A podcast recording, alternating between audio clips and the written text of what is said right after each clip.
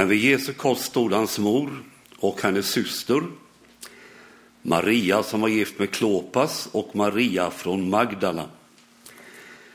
När Jesus såg sin mor och bredvid henne den lärjunge som han älskade sa han till sin mor, kvinna, där är din son.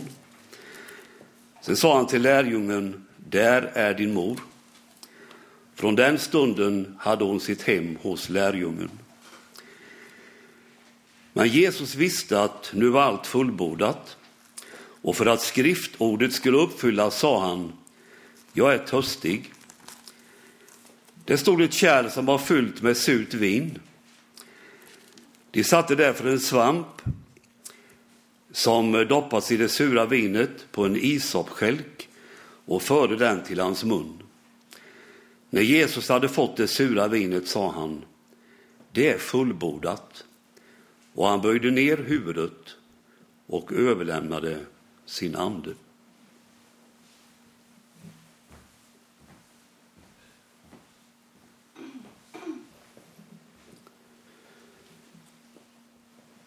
Eftersom det var förberedelsedag och kropparna inte fick hänga kvar på korset under sabbaten, det var en stor sabbat, bad judarna Pilatus att de korsfästas benpipor skulle krossas och kropparna tas bort.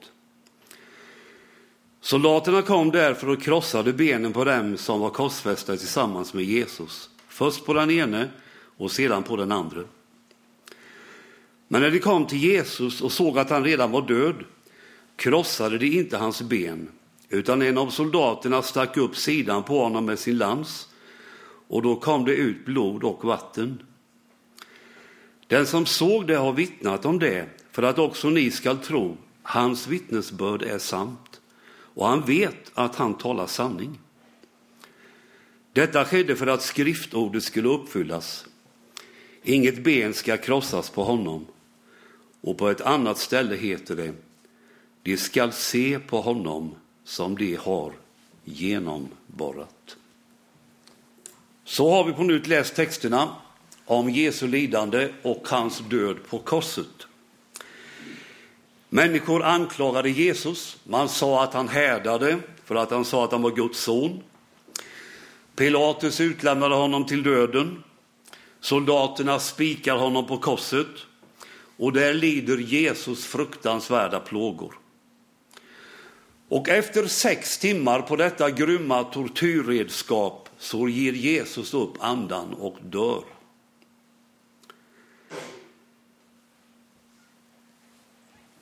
Detta är den yttre bilden. Men det finns något i detta drama som är djupare. Att Jesus skulle ge sitt liv på korset, det ingick ju faktiskt i Guds plan med sin son. Och när han hängde där på korset och dog för oss så var det inte den fysiska kroppsliga smärtan som var det värsta. Utan det som plågade Jesus mest, det var den inre smärtan. Och den inre smärtan fanns i honom därför att all världens synd och all världens ondska var inlagd i hans kropp. Så det Jesus upplevde på korset och som var det mest plågsamma, det var en avgrund av mörker och vånda och smärta. Våra synder bar han i sin egen kropp upp på träpålen, skriver Petrus i sitt första brev. Våra synder. Men vad betyder det för oss att han bar våra synder upp på korset? Jag sa för ett par veckor sedan att jag ska försöka säga något om det idag. Och som jag sa då, jag skär lite av det jag hörde på Livets Ords konferens Bygga kyrka in i min predikan. Så nu vet ni det. Och jag önskar att vi efter den här predikan ska se att vår position inför Gud, den har genom det Jesus gjorde på korset helt förändrats. Om vi säger så här. Du och jag är människor. Det som är unikt med dig och mig i jämförelse med andra skapade varelser, det är att vi är skapade med fri vilja och att vi har ett ansvar för våra liv. Det ansvaret har vi ytterst inför Gud, som älskar oss över allt annat, men som också är rättfärdig och ren och inte kan tåla synd och ondska. Nu är det ju så med oss allihop att våra liv har gått snett.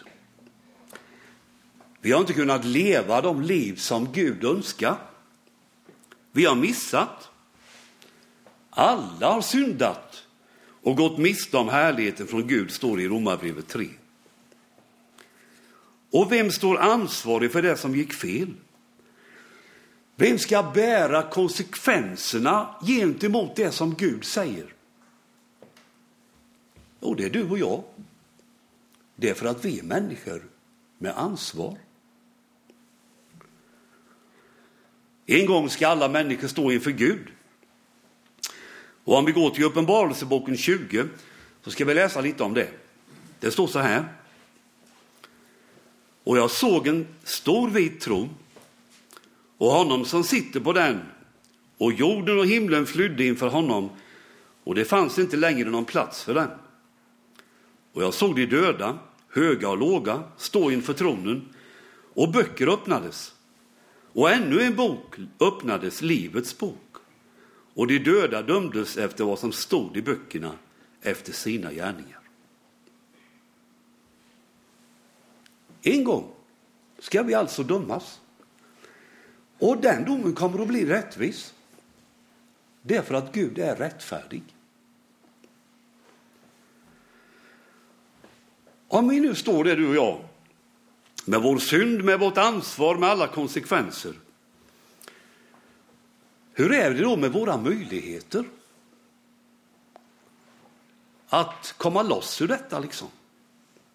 Ja, följ med till Saltaren 49. Det står i vers 8 och följande. Men ingen kan köpa sig fri och betala lösen till Gud. Att köpa sig fri är dyrt. Man kan aldrig betala priset för att få leva evigt och inte läggas i graven. Hur hoppfullt är detta? Man kan aldrig betala priset. Här är det ju helt kört. Men det finns ytterligare att läsa i Psaltaren 49. Kolla vers 16. Men mig skall Gud köpa fri. Han skall ta mig ur dödsrikets grepp. Du, det verkar finnas en utväg, en möjlighet. Det blir många bibelversar nu idag. Följ med till Romarbrevet 5. Där står det så här. Men Gud bevisar sin kärlek till oss genom att Kristus dog för oss medan vi ännu var syndare. Då vi nu har gjorts rättfärdiga genom hans blod skall vi av honom så mycket säkrare bli räddade från vreden. Ty om vi var Guds fiender och blev försonade med honom genom hans sons död skall vi av honom så mycket säkrare bli räddade genom hans sons liv.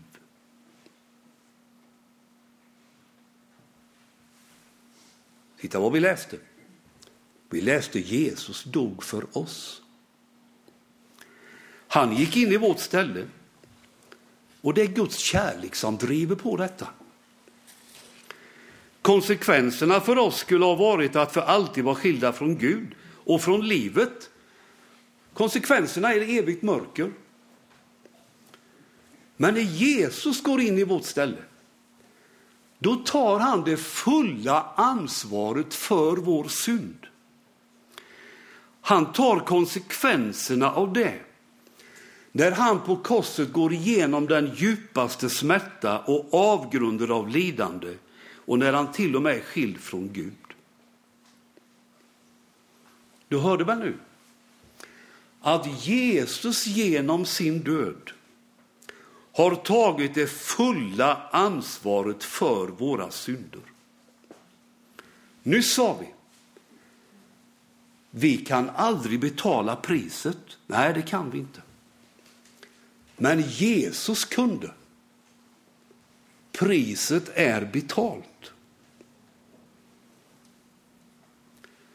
Och då är det så här att korset, Jesu kors som är i centrum idag, lyssna, det talar nåd över våra liv.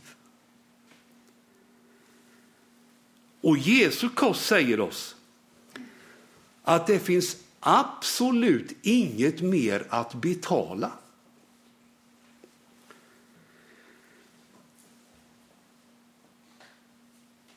Konsekvensen av allt vi har gjort, det vi egentligen var ansvariga att rätta till, det kallas i Kolosserbrevet för skuldebrev. Alltså ett brev där det står vad jag egentligen har orsakat och är skyldig till. Men Gud har tagit hand om det. Och han har gjort så här, står det. Han har utplånat det genom att spika det på korset. Hur är det med det som är utplånat? Jo, det är borta. Lyssna. Priset är betalt fullt ut. Det finns absolut inte det minsta kvar att betala. Och detta fantastiska är vårt genom tron på Jesus. Och då står det så här, då vi nu har gjorts rättfärdiga genom tro. Alltså genom tro. Att vara rättfärdig, det är att vara fullt förlåten. Fullt okej okay i Guds ögon. Han ser ingen synd längre därför att den har Jesus tagit undan. Allt detta betyder nu att vi har en ny position. Vi har gått ifrån att stå under domen till att stå under rättfärdigheten.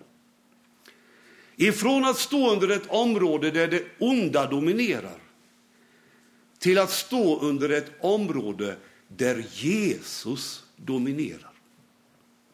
Det är vår position. Vi har bytt position. Och det var detta byte som väckelsens pionjärer i slutet på 1800 och början på 1900-talet kallade för det saliga bytet.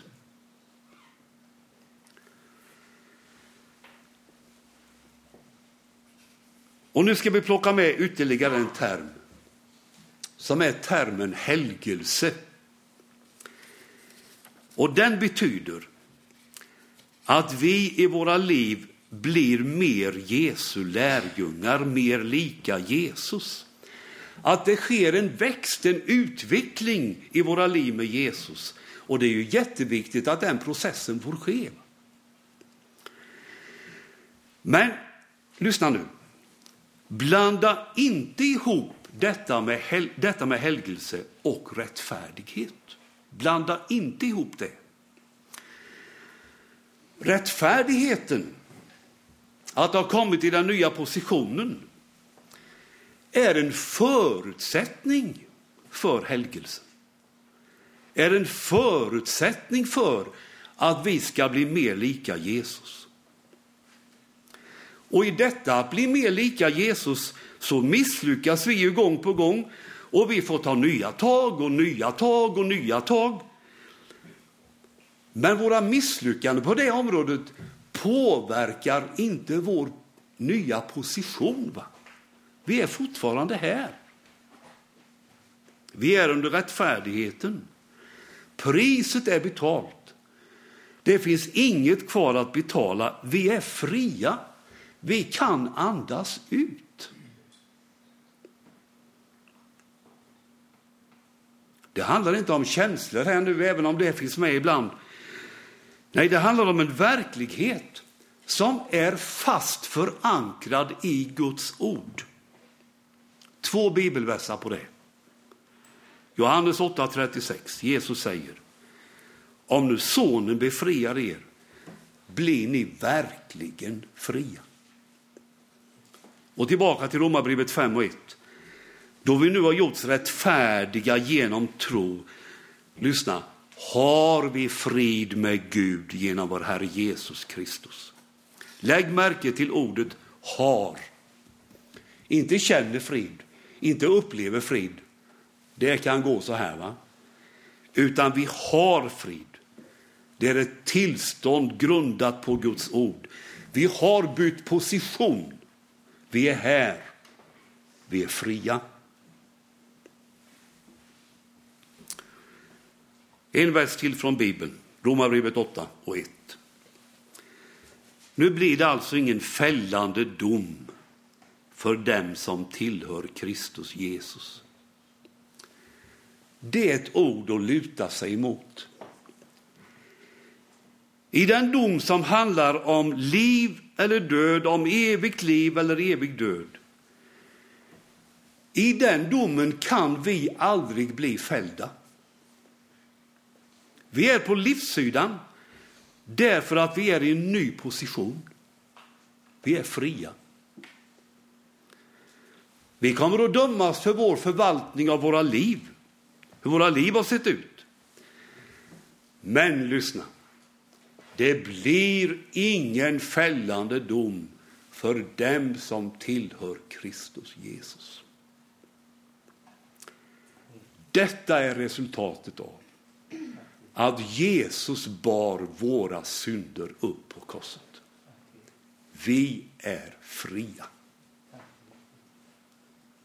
Herre, helga oss genom sanningen. Ditt ord är sanning. Amen.